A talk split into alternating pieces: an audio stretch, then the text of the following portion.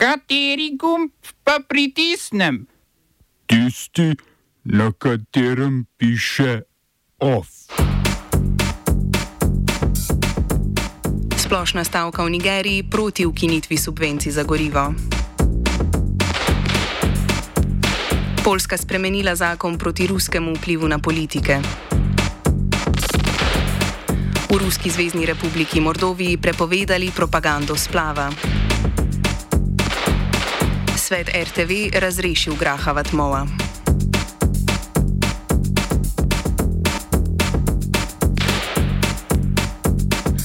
Polski predsednik Andrzej Duda je podpisal spremenjeni zakon proti ruskemu vplivu, ki ga je parlament sprejel v petek.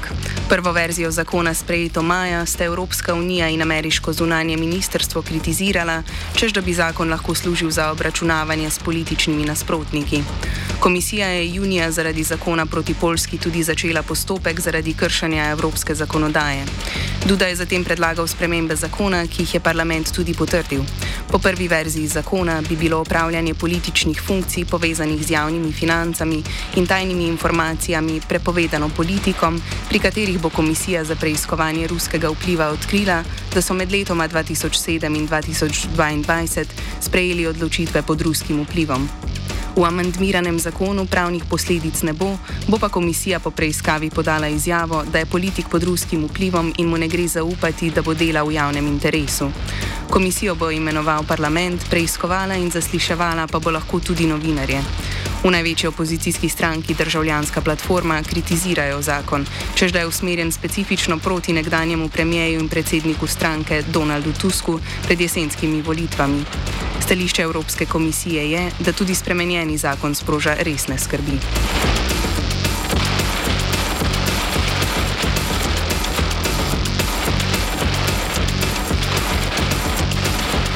Parlament Ruske zvezdne republike Mordovije je sprejel zakon o prepovedi propagande umetne prekinitve nosečnosti in spodbujanja nosečnic k splavu. Zakon prepoveduje propagiranje družbene spremljivosti splava ter širjenje informacij o neškodljivosti in varnosti splava. Prav tako prepoveduje širjenje, po mnenju oblasti, lažnih informacij o poteku nosečnosti, propagiranje negativnega odnosa do nosečnosti in rojevanja ter zanikanje, da je zarodek živ človek. Zdravnikom ostaje dovoljeno predlagati splav le iz medicinskih razlogov. V obrazložitvi zakona je zapisano, da je njegov namen zaščita družine, otrok, materinstva in očetovstva pred destruktivnimi ideologijami in vrednotami, tujimi ruskemu narodu.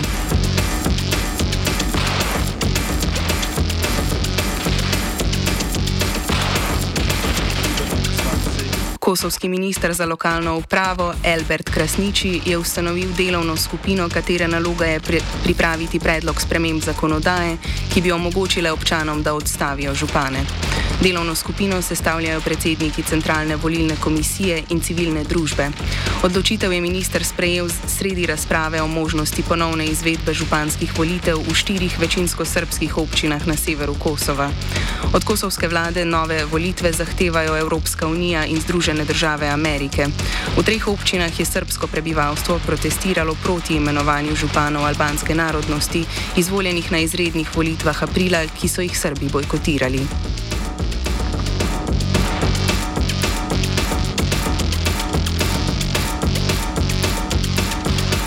Severna Koreja je poveljstvu Združenih narodov poslala odziv glede pobeglega ameriškega vojaka Travisa Kinga. 23-letni vojak je preko demilitariziranega območja med Korejama pobegnil pred dvema tednoma. King je služil v ameriški vojaški bazi v Južni Koreji, v prostem času pa je prišel na vzkrižje s korejskim zakonom. Februarja letos ga je sodišče obsodilo na dva meseca zapora zaradi poškodovanja policijskega vozila. Sodili so mu tudi zaradi fizičnega napada v nočnem klubu, a je žrtev tožbo iz osebnih razlogov opustila. Po prestani kazni bi se moral vrniti v Združene države, kjer ga je čakal disciplinski ukrep. Južnokorejska vojaška policija, pod nadzorom katere je King ostal v času med koncem kazni in začetkom deportacije, ga je pri deportaciji smela spremljati samo do letališča. Ko je ostal sam, se je pridružil skupini turistov na turi po demilitariziranem območju. Ko je skupina prišla do meje, je stekel v Severno Korejo.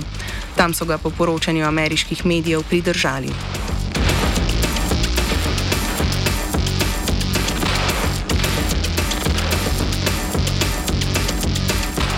V Nigeriji se je začela enotedenska splošna stavka proti gospodarskim reformam predsednika Bole Tinubuja. Nigerijski delavski kongres, kongres in sindikalni kongres, največji zvezi sindikatov v državi, sta pozvala k vse državni stavki, za zdaj pa so se ji pridružili delavci v zvezdni državi Bajelsa, v mestih Kano in Kaduna ter v prestolnici Abuži, ne pa tudi v Lagosu, največjem nigerijskem mestu. Nigerijski delavski kongres je predstavko sporočil, da je vladna politika privedla k astronomskemu povišanju stroškov prevoza, hrane, storitev, šolanja in zdravstva. Glavni povod za stavko je ukinitev subvencij državljanom za gorivo, te je vlada ukinila prejšnji mesec. Za subvencije je država porabila 9 milijard evrov letno. Pred začetkom stavke je vlada napovedala ukrepe za omilitev posledic ukinitve subvencij, ki vključujejo financiranje javnega prevoza ter poceni posojila kmetom in malim podjetnikom, kar sindikatov ni zadovoljilo.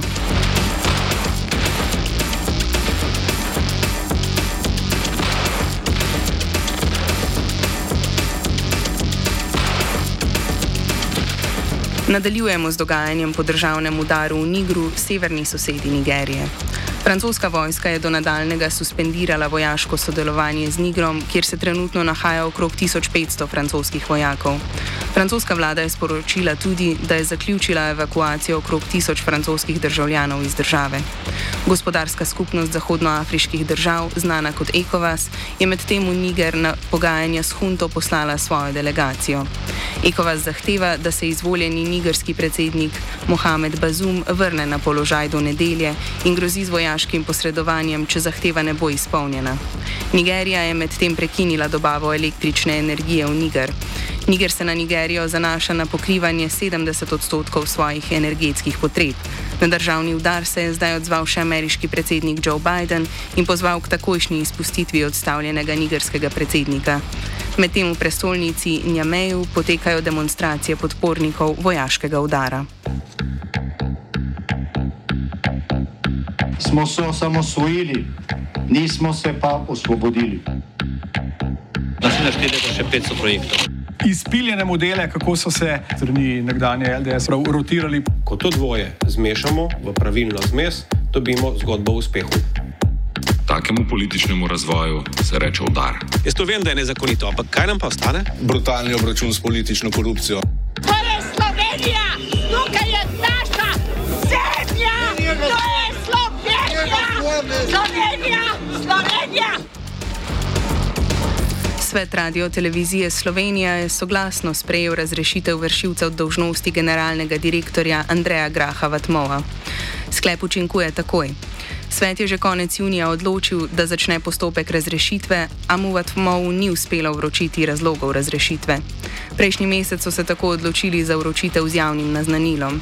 Na mesto vršilca dožnosti generalnega direktorja je svet soglasno imenoval Zvezdana Martiča, ki je bil že imenovan za predsednika uprave radio televizije, a ta še ni začela z delom, ker morajo zaposleni izvoliti še delovskega direktorja.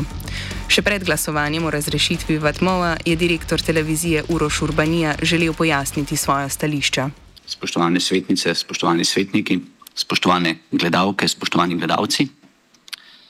Predno se začne ta točka, bi rad podal nekaj svojih stališč, nekaj svojih mnen. Nekoliko začudenjem spremljam delovanje sedanjega sveta RTV, predvsem pa poskuse, kako bi se izigralo obstoječo zakonodajo. Vrel sem pred dvema mestoma, mesecema predsedniku sveta RTV, ko je v svoji prvi seji zagotavljal. Dovolite, gospod Urbanija. Prosim. Uh, je tole vaša izjava ali Moja, izjava? moja. Aha, ne.